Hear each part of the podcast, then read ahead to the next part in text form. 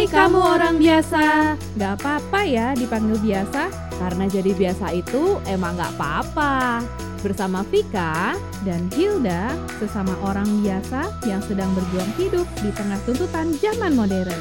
Ya sama lah kayak kamu Yuk kita mulai topik kita hari ini.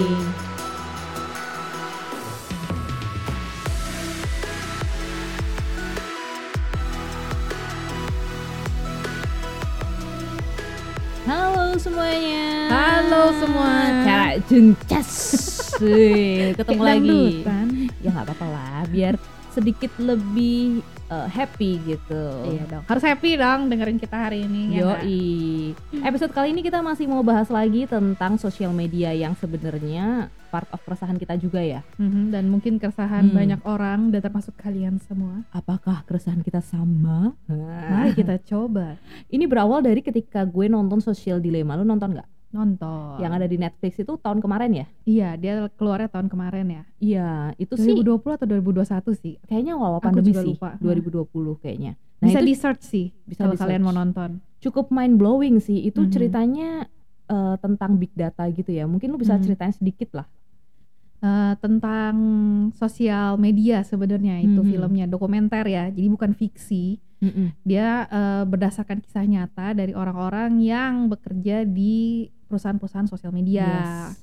Sebenarnya intinya tuh gini, eh, mereka ngejelasin bahwa kalau kita ini sebagai user atau pengguna sosial media itu, kalau kita suka sesuatu, mereka tuh record. Mereka tuh Hmm. tahu apa yang kita suka, apa yang kita nggak suka, berapa lama kita pay attention di suatu feed, suatu konten, dan dari situ mereka bisa menilai feed macam apa lagi, eh, postingan macam apa lagi, video macam apa lagi yang kita suka. Jadi kita bakal disodorin, disodorin terus-terusan sama hal-hal yang seperti itu yang kita suka terus-terus dan Iya. terus gitu loh. tujuannya tuh sebenarnya untuk attention kita kan, untuk ngebeli attention kita Iya, gitu. karena tujuan mereka itu pengennya kita terus menerus nonton sosial media atau ngeliat sosial media. Jadi attention kita tuh adalah currency buat mereka. Sebenarnya eh, konsepnya tuh mirip kayak kita zaman dulu waktu belum digital. Lu inget nggak setiap hari Minggu jam 9 lu nonton Doraemon, sampai lu nggak Iya. pergi ke tempat ibadah ya nggak sih? Sebenarnya karena suka, tapi bedanya pada saat itu kita tuh nggak nggak, maksudnya nggak punya feed sendiri-sendiri kayak gue, lu setiap kali ketemu ya sukanya either nggak Doraemon, Sailor Moon, Dragon Kebanyakan Ball. kalau anak 90-an tuh sukanya sama. Iya, karena kita cuma punya TV. Kayak misalnya dulu eh, brand lu mau viral, lu mau dikenal orang, tinggal masukin aja ke tersa ke tersenya te- acah, Acah, acah, terpleset, Iya, salah. salah. Tersanjung. Tersanjung. Senin sampai Jumat jam 7 sampai jam 9 malam. Beres Hafal banget hidup. sis. Iya, dulu Ngikutin ikut, ya? ngikutin, tersanjung, tersayang, ter apalagi udah terbengkalai lama-lama hidup gue. Nonton sinetron mulu. Anak sinetron. anak mbak lo itu. Nah maksudnya kan kalau sekarang ini udah beda gitu. Di feed gue mungkin isinya Kim Son Ho. Isinya lu cinta Luna viral. Gue nggak tahu kalau di tempat lu mungkin siapa orang itu. Kalau di gue kayaknya yang Gitu nongol Avengers. nah karena Doctor. Strange. Nah, Mau cocok. keluar. Nah kalau di di hari ini di record. Ketika ini dipublish mungkin udah keluar. nah kalau di gue itu nggak jauh dari gibah-gibah sinetron. Lu cinta Luna siapalah itu? Aduh pokoknya nah, itu kan jadi beda gitu. Nah mungkin Beda. ketika gue ngobrol sama lu iya lu cinta Luna tuh kayaknya uh, viral banget gitu. Tempat lu nggak? Gue ngobrol nggak tahu lu cinta Luna lu viralnya karena apa. nggak tahu ya. I seriously don't ya oke lah. Itu mungkin for another topic. Nah in- inti intinya tuh eh, ya pada akhirnya it- it's a good thing or bad thing gitu kan Iya, sebenarnya kalau dari sisi kita sebagai entrepreneur juga nih, Iya dari sisi bisnis it's quite a, a good thing karena untuk marketing tuh kita jadi gampang sekarang. Kayak Bener. gue pernah bikin sebuah ads eh, untuk salah satu bisnis gua dan itu tuh eh, lumayan lumayan on point ya targetingnya. Jadi Mm-mm. dia eh, Instagram ads tuh bisa sampai nanya eh, lu mau female or male, umurnya berapa, hobinya apa, sukanya apa. Itu tuh lu bisa detailin dan dia akan cari orang yang kayak gitu dan show iklan gua ke orang itu. iya bener maksudnya dan beda beneran kan beneran ngefek sih. beneran ngefek kan jadi Heeh. ketika lu nontonnya Korea mulu, lu suguhin sama brand skincare Korea, misalnya brand apa parfum bau-bau Korea, ya itu pasti orang udah langsung tertarik duluan. Jadi Iya. se- untuk bisnis itu bagus. Jadi secara kita entrepreneur tuh nggak perlu lagi buang-buang uang kayak uang gede untuk iklan di TV atau Iya. iklan di radio yang mahalnya yang luar mahalnya biasa. luar biasa dan segmennya gede banget gitu. Iya, dan kayak kalau buat kita yang pengusaha UMKM, bisnis kecil, iya. UMKM, itu kan lumayan, lu bayar Bener. sedikit aja udah bisa jadi iklan. Iya udah bisa dapat impactnya minimal lu Heeh. bisa langsung ke target market lu kalau lu mau lebih besar ya lu tinggal spend lebih gede gitu lu mau kolamnya kayak gimana jadi sebenarnya ketika apa ya data interest kita attention kita dijual untuk hal-hal seperti itu it's okay kita kasih makan orang gitu kan maksudnya kita kasih rezeki ke orang Dan sebenarnya gue juga jadi eh, tahu hal-hal yang gue suka. Maksud gue eh, ada brand-brand yang Bener, gue bener, dulu bener, gak bener, kenal, terus karena dia sodorin, gue jadi tahu. Oh dan ternyata gue suka gitu. Jadi sebenarnya bener menguntungkan di kedua belah pihak. betul apalagi pas kita butuh gitu pas gua Nah. kemarin lagi mau pergi ke Bali ya kan lagi Nah. nyari untuk yang apa sih namanya untuk yang apa sih yang buat yang ya, yang buat matahari itu? Oh, Sunblock. ya sunblock. Iya kayak kayak kayak gue lagi butuh sunblock terus tiba-tiba nongol gitu. Kan gue klik search dulu di Google terus tiba-tiba dapat Instagram ads yang ternyata gue bisa kurasi sendiri. Oh gue Padahal itu nyebrang aplikasi ya. Tapi kan Satu di Google, satu di Iya, Instagram. tapi bisa bisa keluar Bisa juga tahu ya. Nah, itu dia hebatnya. Nah, untuk hal-hal positif kayak gitu kan oke. Gue juga diuntungkan. Gue sebagai konsumen nggak susah-susah nyari-nyari lagi, tanya-tanya ke toko-toko, masuk. Gue Iya, tinggal betul. tiduran doang, scroll, scroll, scroll. Oke. Oh, ah, ada I brand know. bagus nih. Ada brand bagus, tinggal lihat reviewnya gitu kan, tinggal Iya. influencer lihat gitu. Cuman ketika kita udah ngomongin itu disalahgunakan atau Mhm. untuk sesuatu yang lu ibarat mau memecah belah nih. Contoh kayak yang kemarin lu cerita tuh seru tuh yang yang tentang politik di US tuh. Ya, politik di US yang tentang eh, mantan presiden Amerika yang dulu suka main Twitter sampai diblokir itu loh. Ya, yang dulu punya reality show yang gue juga suka banget sih sebenarnya berawal dari businessman kan dia. Iya, ya sebenarnya ini kasusnya eh, katanya sih ya masih pro kontra ya. Kita juga nggak tahu benar atau enggak bahwa dulu dia bisa mengalahkan. Kayaknya kita nggak usah sensor deh ya. Langsung Iya, saja langsung sis, saja kita sebut ungkapkan namanya. namanya. Bagaimana Donald Trump mengalahkan Nah, Hillary cocok. Clinton dulu di Amerika. Padahal banyak banget orang yang menjagokan Hillary Clinton loh by the way dan gue tuh salah satu wah Gua salah keren satunya nih Hillary juga. Clinton nih eh ternyata kalah loh Women support, support women ya kan? Iya, terus ternyata bisa kalah, shock juga sih. Kok Mm-mm. bisa ya Donald Trump bisa menang dan ternyata usut punya usut. Kalau lu nonton dokumenternya banyak, tapi eh gue lupa judulnya. Nanti kalau gua ketemu gua share ya di Instagram kita. Asik. Asik, Follow dulu dong. Oh, kayak iklan. lanjut. Iya.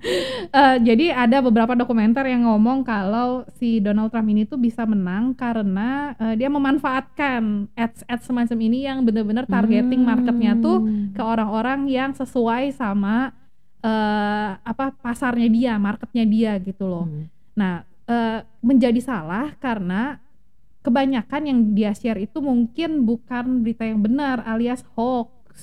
Dan ketika orang-orang nonton Iya, iya, atau orang yang eh, lihat beritanya, nonton videonya itu mereka pikir itu adalah hal yang benar, nyata dan akhirnya mereka bisa dibilang jadi kayak fanatik banget gitu Iya, sama mereka percaya Donald itu Trump. gitu kan. Padahal Mm-mm. itu hoax. Kalau sekarang sih udah ada filter ya, puji Tuhan ya. Maksudnya udah Mm. udah ada kayak filter hoax gitu. ya sosial media It's getting, getting better. it's getting better mereka work it out dari segala macam yang kita eh, dibahas di luaran ini dan mereka berusaha untuk menjadi lebih baik gitu cuma ya Hmm. akan jadi salahnya tuh kalau misalnya eh, ada orang yang menyalahgunakan dan kita sebagai user pun nggak belajar untuk jadi bijaksana dan Yes. ngefilter bahwa oh yang kayak gini kayaknya mungkin salah berbahaya sih itu jadi Iya. polarisasi yang tadinya temenan puluhan tahun terus ketemu ngomongin Donald Trump sama satu lagi ngomong Hillary Clinton musuhan waduh musuhan iya ya itu terjadi juga sih sedikit banyak kan pokoknya kebanyakan tuh ketika waktu mau pemilu politik kayak gitu-gitu Iya. ya itu agak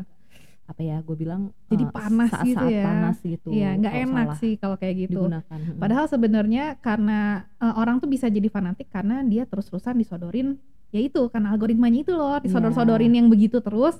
Jadi dia nggak sadar bahwa di sebelah sana tuh ada orang yang punya pola pikir yang berbeda dan Yes. mungkin nggak salah gitu loh. bener Bahwa mungkin dia juga benar pendapatnya bahwa hal-hal di dunia ini tuh nggak ada yang 100% good and 100% evil gitu kan. Iya, cuman ya itu kalau misalnya kita sebagai user tuh juga dituntut harus lebih kritis dan juga lebih smart. Kalau enggak ya itu hidup kita, pola pikir kita hanya sebatas fit dan explore kita.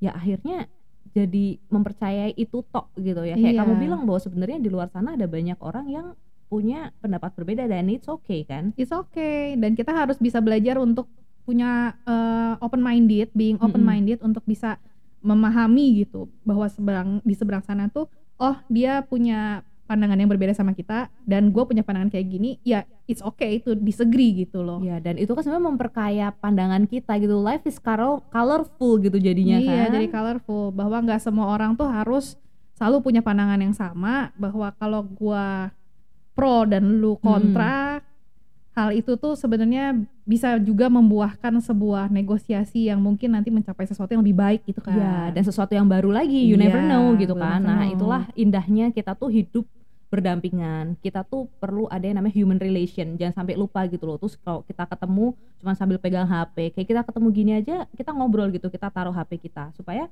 kita juga ngobrol gitu. Iya. Apa sih eh, ternyata lu punya pandangan berbeda, ternyata gue punya pandangan beda dan itu jadi lebih kaya gitu loh.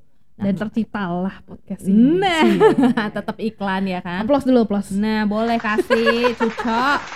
Hei. Nah, itulah mungkin ini udah beberapa banyak yang tahu dan sependapat dengan kita. Mungkin ada beberapa juga yang belum tahu ya Hil ya. Ya, Coba kalau buat yang yang, belum belum tahu sadar. nih, yang belum sadar, ya nggak apa-apa sih. Sekarang belum sadar nggak apa, makanya kita sharing nih gitu Supaya supaya, lu sadar dan, dan- aware gitu. dan nggak jadi korban dalam tanda kutip Yes. lah Nggak nggak ya nggak salah juga kalau lu belum tahu dan ternyata oh ternyata begini dan ya ya udah gitu. Nah, ini yang kita share, kita kepingin kalian tuh jangan sampai memiliki pandangan sempit aja. Iya, kalau kalian baru aware sekarang dan eh, kalian mau mencoba untuk berubah dan jadi one step ahead dari sosial media itu, Mm-mm. you can try to find another source of information. Ya. Perkaya wawasan lu, baca buku, Ngobrol. baca majalah Yes. Berkualitas ya, kayak misalnya apa ya, National Geographic, Yep. Harvard Business Review, Review, itu bagus-bagus ya. loh by the way. Ya, Iya, too bad aja semuanya bahasa Inggris sih ya. iya, iya. Tapi Ma- itu itu uh, magazine-magazine yang bagus dan bisa kasih kita banyak insight yang bagus gitu. Ya. Jadi lu punya pola pandang tuh nggak sempit betul betul betul betul. gitu. Dan apa ya, lu harus sadar juga bahwa di sana ada orang-orang lain yang berbeda pendapat and it's okay. it's okay. Itulah. Nah, inilah sedikit banyak keresahan kita. Kita ngobrol-ngobrol sana kemari, tapi intinya ya kita tuh kepingin sama-sama menciptakan awareness gitu mengenai sosial media ini, mengenai apa ya algoritma ini supaya kita Mhm. bisa sama-sama bersatu di dalam suatu komunitas yang lebih positif gitu ya, Yang lebih sehat. yang lebih sehat. Karena gitu. memang si sosial media ini uh, company-company ini memang getting better dan mereka juga uh, memperbaiki diri. Ya. Cuma we cannot stop there. Kita Ya. sebagai user kita juga harus lebih pinter dan kita Betul. harus bisa lebih memahami batasannya dan uh, nge- ngefilter nih apa yang harus kita terima, apa yang harus kita tolak gitu. luar biasa, Bu. Oke, Oke. I think that's all for today. Ngobrol-ngobrolnya kita hari ini. So, see you on the next episode. Bye. Bye bye. Have a nice day everyone.